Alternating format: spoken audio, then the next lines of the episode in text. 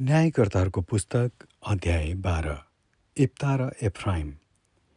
एफ्राइमीहरूले आफ्ना फौज भेला गरे र पारी तरेर सापोनमा गए। तिनीहरूले इप्तालाई भने अम्मुनीहरूसँग लडाईँ गर्न जाँदा हामीलाई किन बोलाउनु भएन? हामी तपाईँलाई तपाईँको घर समेत जलाइदिनेछौँ।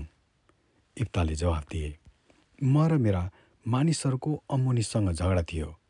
र मैले तिमीहरूलाई सहायताको निम्ति बिन्ती गरेको थिएँ।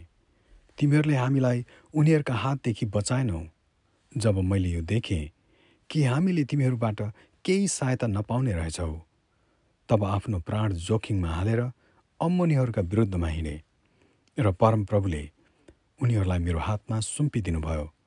अब किन तिमीहरू आज मलाई आक्रमण गर्दछौ? तब इप्ताले गिलादका सबै मानिसहरूलाई भेला गरेर एफ्राइमसँग लडाईँ गरे।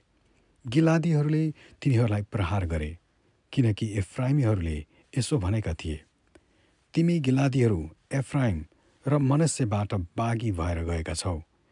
गिलादीहरूले एर्दनका जगारहरू लिए र एफ्राइमीहरूलाई जान नदिने गरी रोकिराखे।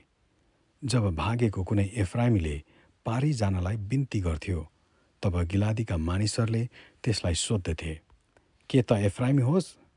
र त्यसले होइन भन्यो भने तिनीहरूले भन्थे त्यसो भए सिबुलेत भन्। त्यसले त्यो शब्द ठिकसित उच्चारण गर्न नसकेर सिबुलेत भन्यो भने तिनीहरूले त्यसलाई एर्दनका जङ्घारमा पक्रेर मार्दथे। त्यसबेला एभ्राइमका बयालिस हजार मानिसहरू मारिए।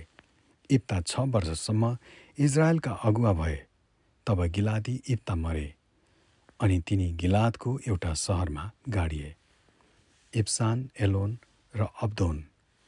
इप्तापछि बेतलेहमका इप्सान इजरायलका अगुवा भए। तिनका तिसजना छोरा र तिस छोरी थिए।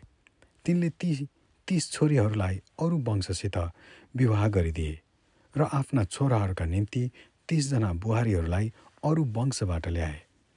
तिनी सात वर्षसम्म इजरायलका अगुवा भए। तब तिनी मरे र बेतलेहममा गाडिए। तिनी पछि जुबलुनी एलोन दस वर्षसम्म इजरायलका अगुवा भए।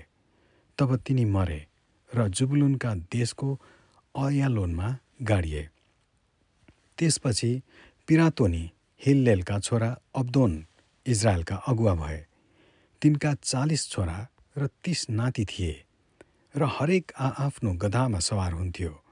तिनी आठ वर्षसम्म इजरायलका अगुवा भए। र त्यसपछि तिनी मरे र अमालिकीहरूको डा पहाड डाँडे पछाडि देशमा एफ्राइमको पिरातोनमा गाडिए। आमेन।